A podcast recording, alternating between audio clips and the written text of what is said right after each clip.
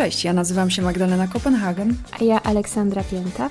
Zapraszamy do podcastu Psyche Instrukcja Obsługi.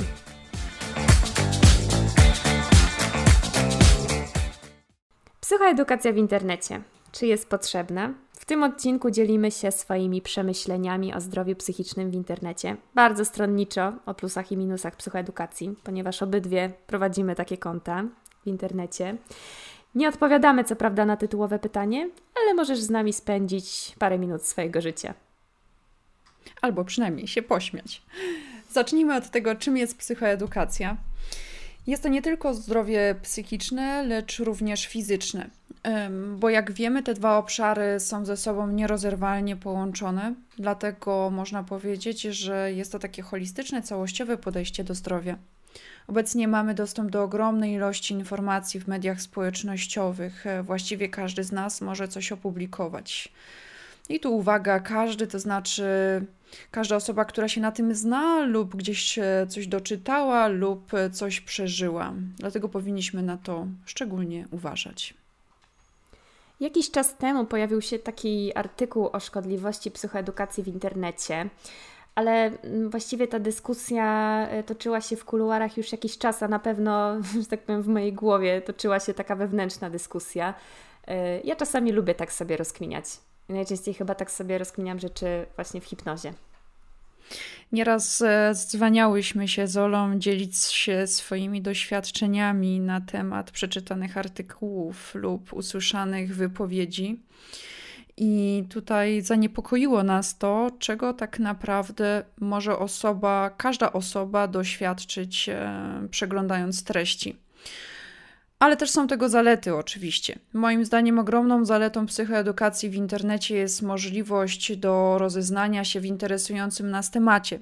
Przykładowo trafiają do mojego gabinetu pacjenci, którzy widzieli post dotyczący przemocy emocjonalnej bądź depresji i przychodzą, aby swoje podejrzenia ze mną skonfrontować. Czyli jest to impuls, aby udać się do specjalisty. Również jest to szansa dla tych osób, które nadzwyczajnie na świecie wstydzą się zapytać e, kogoś bliskiego lub e, specjalistę. No i do tego dochodzą jeszcze kwestie finansowe lub czas oczekiwania na wizytę. Tak, tutaj niewątpliwym plusem jest to, że się oswajamy z tymi zaburzeniami, zmniejszamy stygmatyzację. Widzimy, że ludzie, których podziwiamy, obserwujemy, mierzą się z takimi problemami i nie wstydzą się tego. Dzielą się swoją drogą, diagnozami, e, terapiami, jakie przechodzą, i to niewątpliwie dodaje otuchy. I wreszcie ktoś z zaburzeniami psychicznymi nie kojarzy się z jakimś gnomem z szafy, tylko wreszcie zaczynamy rozumieć, że każdy może mieć taki problem, tak? Ja, ty, każdy z nas, i że te osoby są pośród nas i nie ma powodu, żeby je wykluczać społecznie. Dokładnie tak jest i temat zdrowia psychicznego zaczął być częściej poruszany, a choroby psychiczne przestają być tematem tabu. Tak jak wspomniałaś, osoby, które podziwiamy, które znamy, zaczynają się dzielić tym, z czym się borykały lub borykają, też na mnie to robi ogromne wrażenie, jak osoby mienia publicznego czy jacyś celebryci wyznają, że od dłuższego czasu chorują na przykład na depresję. To mm, pokazuje, że każdego z nas może to spotkać, niezależnie od płci, wykształcenia czy wieku. Mnie zastanawia zawsze sens postów, w których na przykład są wrzucone. Yy zdania z podręcznika dla studentów, lekarzy albo specjalistów, albo kryteria rozpoznania z klasyfikacji chorób. I wiesz, takie suche kryteria.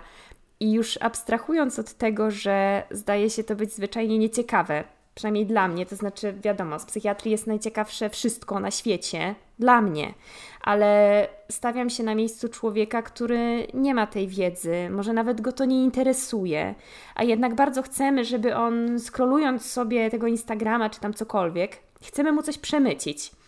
I taka osoba dostaje trudny, wyrwany z kontekstu jakiś fragment medycznej wiedzy, często bez żadnego stosownego komentarza, i dalej coś takiego już może żyć swoim życiem. I ja to uważam za szkodliwe z dwóch powodów. Mm, pierwszy, dlatego, że to utwierdza takie powiedzenie, którego ja mm, szczerze nienawidzę, że nie ma ludzi zdrowych, są tylko niezdiagnozowani. Czemu tego nienawidzę? Bo Wiadomo, że dla wielu osób to się odnosi do hehe, psychiatrii, bo przecież wiadomo, że zawsze się coś znajdzie. I potem z tego powodu ludzie boją się szukać pomocy u psychiatry, bo są przekonani, że nawet jak nic im nie jest, to coś się wynajdzie. A to nie jest prawda, bo my nie leczymy ludzi zdrowych. Jakby zdrowym ludziom dajemy być zdrowymi dalej gdzieś indziej, serio. No, cieszymy się, że ktoś jest zdrowy. A drugi powód trochę wynika z pierwszego. To jest y, wysyp takich autodiagnoz i poczucie prawie każdego czytelnika postu, że jest z nim coś nie tak. Dokładnie, jeżeli chodzi o te, o te kryteria diagnostyczne, to mm, odniosę się do tego, co powiedziałaś, że do, tego zdania, że z każdym jest coś nie tak. No, często słyszę takie zdanie, szczególnie od nawet moich znajomych, którzy się patrzą na mnie i mówią: No to powiedz mi, co ze mną jest nie tak, bo przecież każdy ma jakieś zaburzenia. Mm, muszę się w tym momencie uśmiechać, bo e, według tej zasady to właściwie z tobą, Olu, czy ze mną też jest coś nie tak i też mamy jakieś zaburzenia i choroby psychiczne. Mm, to nie jest tak do końca i sami się krzywdzimy takim przekonaniem, bo to jest nic innego jak właśnie przekonanie. I jeżeli chodzi o te diagnozy na upartego, analizując kryteria diagnostyczne, które możemy znaleźć e, czy to w internecie, czy w książkach właśnie medycznych, jesteśmy w stanie dopasować do siebie każdą chorobę. E, najgorsze, co możemy zrobić, to korzystać z pomocy wujka Google i wystukać parę symptomów, chociażby takie jak wysoka gorączka, dreszcze mm, i omdlenia, no to tutaj już możemy naprawdę mieć dużo możliwości jednostek chorobowych. Tak, Należy... jakby wiesz, tak człowiek widzi, spełni jakieś jedno kryterium, albo jakimś cudem nawet wszystkie, bo przecież taki czytelnik ma prawo nie rozumieć medycznego żargonu, a po drugie nie czaić kwestii nasilenia objawów albo y, stopnia dysfunkcji, jaką ma powodować dane zaburzenie. I myślę, że to potrafi ostro zestresować, no bo wyobraźmy sobie post, który by e, krzyczał y, zmęczenie, osłabienie i ból głowy to objawy raka koniec komunikatu, koniec komentarza. Jasne, to mogą być objawy nowotworu, tylko no, kto z nas nigdy nie był zmęczony, kogo nie bolała głowa, to nie są jedyne objawy nowotworu, no błagam.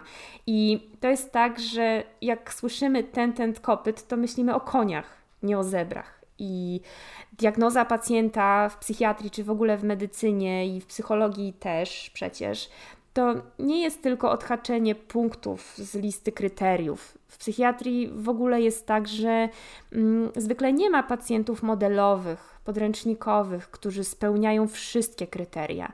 To są jakieś umowne ramy, które pozwalają mniej więcej lekarzom między sobą się porozumieć, ale nie ma dwóch takich samych pacjentów ze schizofrenią albo dwóch takich samych zaburzeń borderline tak samo jak nie ma dwojga identycznych ludzi.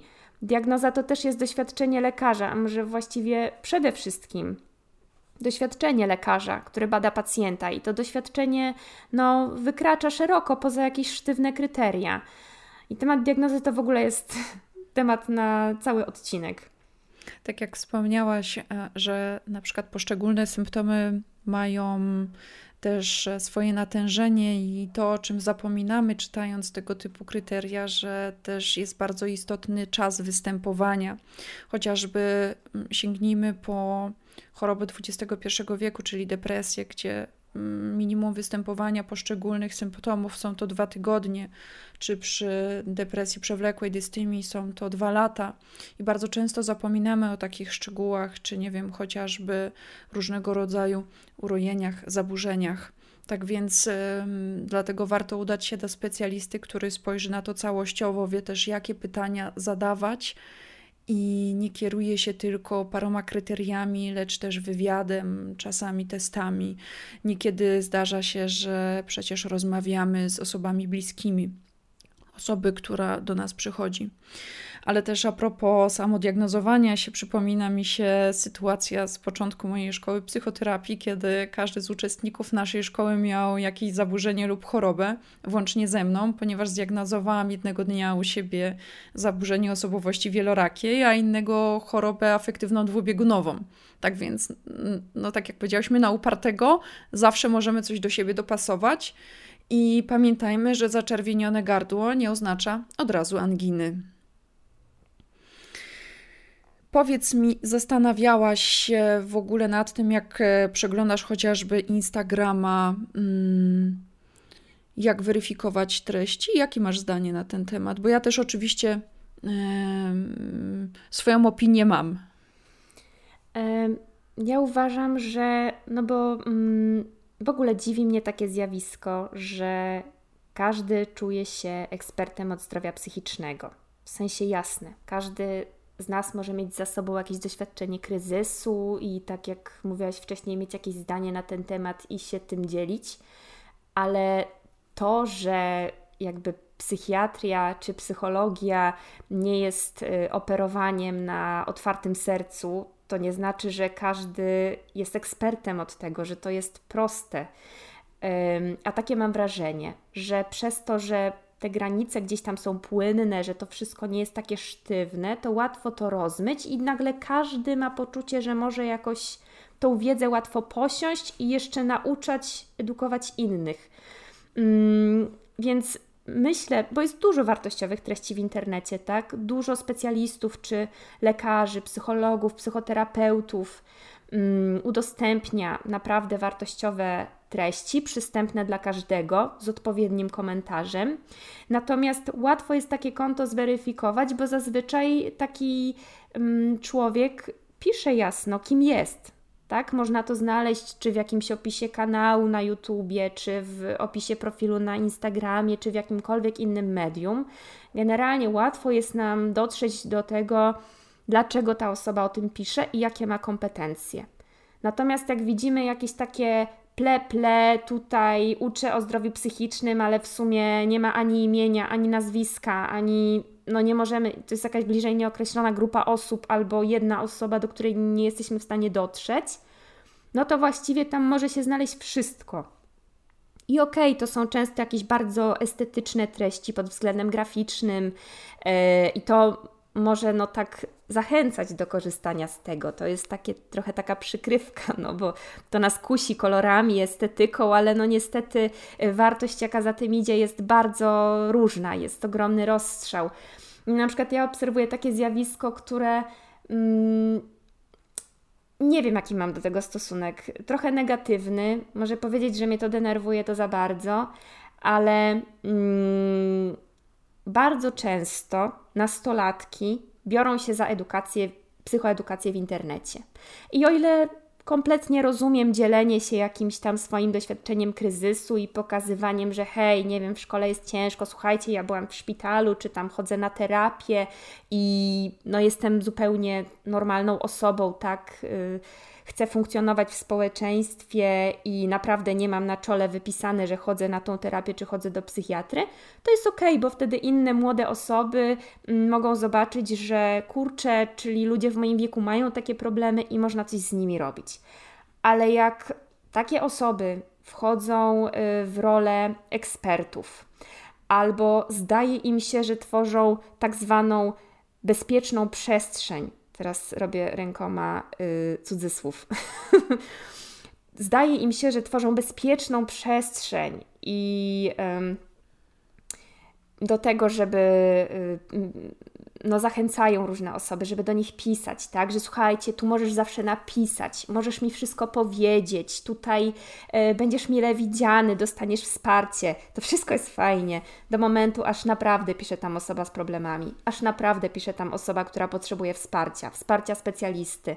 I wtedy się zaczyna, no, problem, bo no, nastolatki nie są odpowiednią osobą, żeby zajmować się osobą w kryzysie, tak innym nastolatkiem w kryzysie, na przykład w kryzysie samobójczym.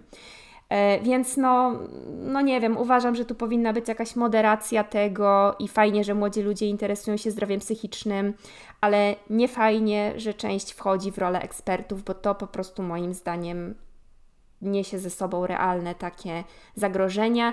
Szczególnie uważałabym tutaj na pseudoekspertów, którzy ukończyli tygodniowy lub dwutygodniowy kurs e, w poszczególnych tematach, już abstrahując od tematu psychoterapii, ale też jak był taki czas, nie wiem czy pamiętasz Olu, wysyp różnego rodzaju coachów, teraz mamy do czynienia z wysypem różnego rodzaju trenerów mentalnych lub właśnie osób, które nazywają się, e, to co wspomniałeś, że zajmują się psychoedukacją. I sprawdzałabym, co to znaczy, że ktoś się zajmuje psychoedukacją i czy faktycznie jest specjalistą takim jak lekarz, psycholog, e, psychoterapeuta, bo mm, no, można takimi treściami bardziej zaszkodzić niż pomóc, e, z tego względu, że nie tyle, nie tyle nie będzie, te osoby nie będą wiedziały, jak zareagować w trudnych sytuacjach kryzysu psychologicznego, ale też rady, których będą udzielać, mogą pogłębić stan osoby, w którym ona się znajduje.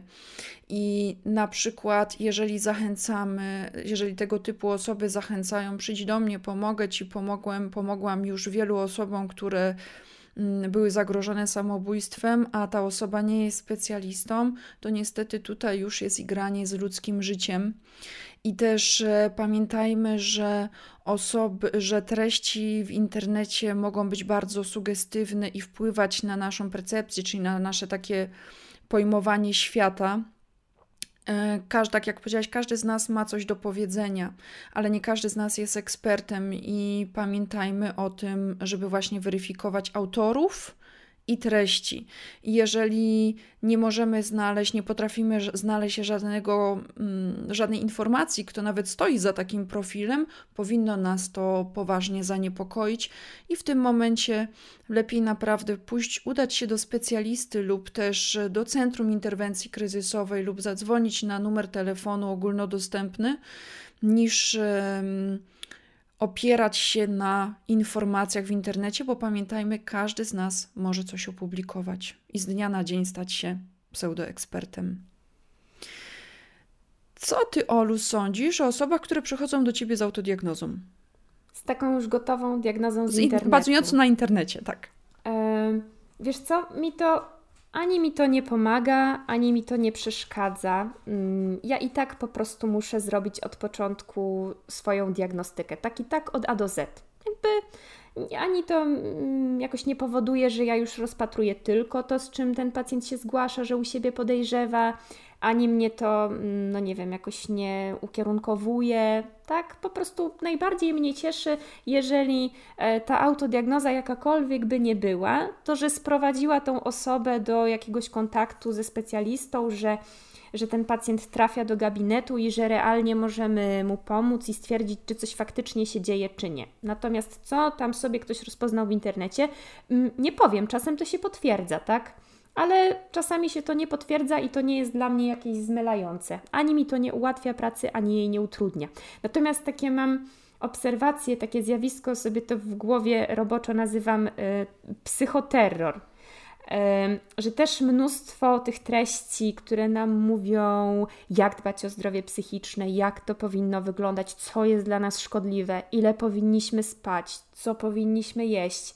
No, to są wszystko wartościowe treści, tylko czasami e, za bardzo wpadamy w te ramy i, i, trafiają ludzie, którzy, no nie wiem, jak nie śpią tych 8 godzin dziennie, a wyczytali, że tak powinno być, albo e, często się stresują i są przerażeni, że w ogóle mają takie odczucia typu, że się nie wyspali czasem, albo że w ogóle odczuwają stres i są tak przerażeni tym stresem, który już im może zaszkodzić, że no jakby to też jest trochę za bardzo, nie?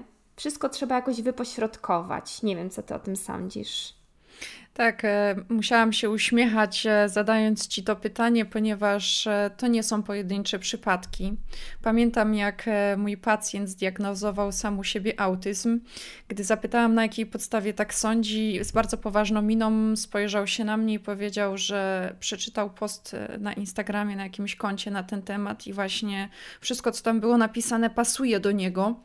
Tak więc e, potem mm, tłumaczyłam mu, czym jest autyzm i że potrzebna jest do tego diagnostyka i że to nie jest takie hop że przeczytamy i dokładnie to już mamy. Tak więc to jest to, co mówiłam, co mówiłyśmy, że to jest to zagrożenie. I ryzyko jest takie, że jak zaczynamy na podstawie niesprawdzonych treści się zamartwiać, e, a nie daj Boże uskuteczniać e, samoleczenie z tego względu, że różne są porady i chociażby temat ziołolecznictwa. Pamiętajmy, że zioła to też są lekarstwa i często poszczególne zioła krzyżują się z lekarstwami, dlatego też um, uważałabym na treści dotyczące um, lekarstw czy różnych suplementów. Tak więc tutaj całościowo podchodzimy do tego tematu. Więc no, o psychoedukacji można by gadać długo, natomiast to, co najbardziej chciałyśmy Wam przekazać, to to, że żebyście weryfikowali treści, na które patrzycie, bo może, można znaleźć mnóstwo bardzo wartościowych rzeczy w internecie zupełnie za darmo i na jeden klik ale patrzcie po prostu, kto je tworzy. Wybierajcie to, co tworzą specjaliści i eksperci od danych tematów. No i nie dajmy się temu psychoterrorowi, tak? No nie każde odstępstwo od jakiegoś tam zdrowego stylu życia od razu powinno generować w nas stres. No, wszystko z umiarem i na luzie. Teraz tak jak e, Słucham Cię, Olu, przypomniałam sobie o jeszcze jednej rzeczy. Mm, bardzo jestem ciekawa, jakie Ty masz doświadczenie, że y, kolejne ryzyko przypomniało mi się, że jeżeli na przykład przeczytamy mm, jakąś informację, piszemy do faktycznie już wtedy specjalisty i opisując dwa, trzy zdania, ja na przykład codziennie dostaję tego typu wiadomości, mm, jest oczekiwanie, żeby postawić diagnozę czy chociażby, że leki, które dana osoba stosuje, czy wywołują takie i takie skutki uboczne. I generalnie moje doświadczenie jest takie, i tutaj też apeluję, że my, jako specjalistki w zakresie zdrowia psychicznego, też nie wystawiamy, nie diagnozujemy na podstawie wiadomości na Instagramie. Ja też dostaję takie wiadomości. Natomiast uważam, że mm, każdy problem pacjenta zasługuje na e, pełną diagnostykę, wysłuchanie całości tej historii, na odpowiednią, zapewnienie odpowiedniej przestrzeni, intymności, e, czasu na tą rozmowę i czat Instagrama czy jakakolwiek inna forma, taka internetowa, po prostu tego nie daje. Więc um, zawsze proszę pacjentów, żeby po prostu, jeżeli chcą akurat mojej opinii zasięgnąć, żeby się po prostu umówili na wizytę i tam e, można ten problem w całości omówić, i wtedy ja mam pewność, że ta porada będzie uwzględniała wszystkie aspekty a nie, że będzie jakimś takim wyrwanym z kontekstu e, tekstem czy taką poradą, jak, e, no wiecie, no, tak jakby zapytać panią w autobusie, co ona sądzi na ten temat. Dokładnie tak, więc dobre rady mm, pozostawmy różnym czasopismom tygodniowym, a my pamiętajmy, że możemy, a nie musimy. I najważniejsze, żeby żyć w zgodzie ze sobą. Do usłyszenia w następnym odcinku na temat zaburzeń lękowych. Dziękujemy Wam bardzo.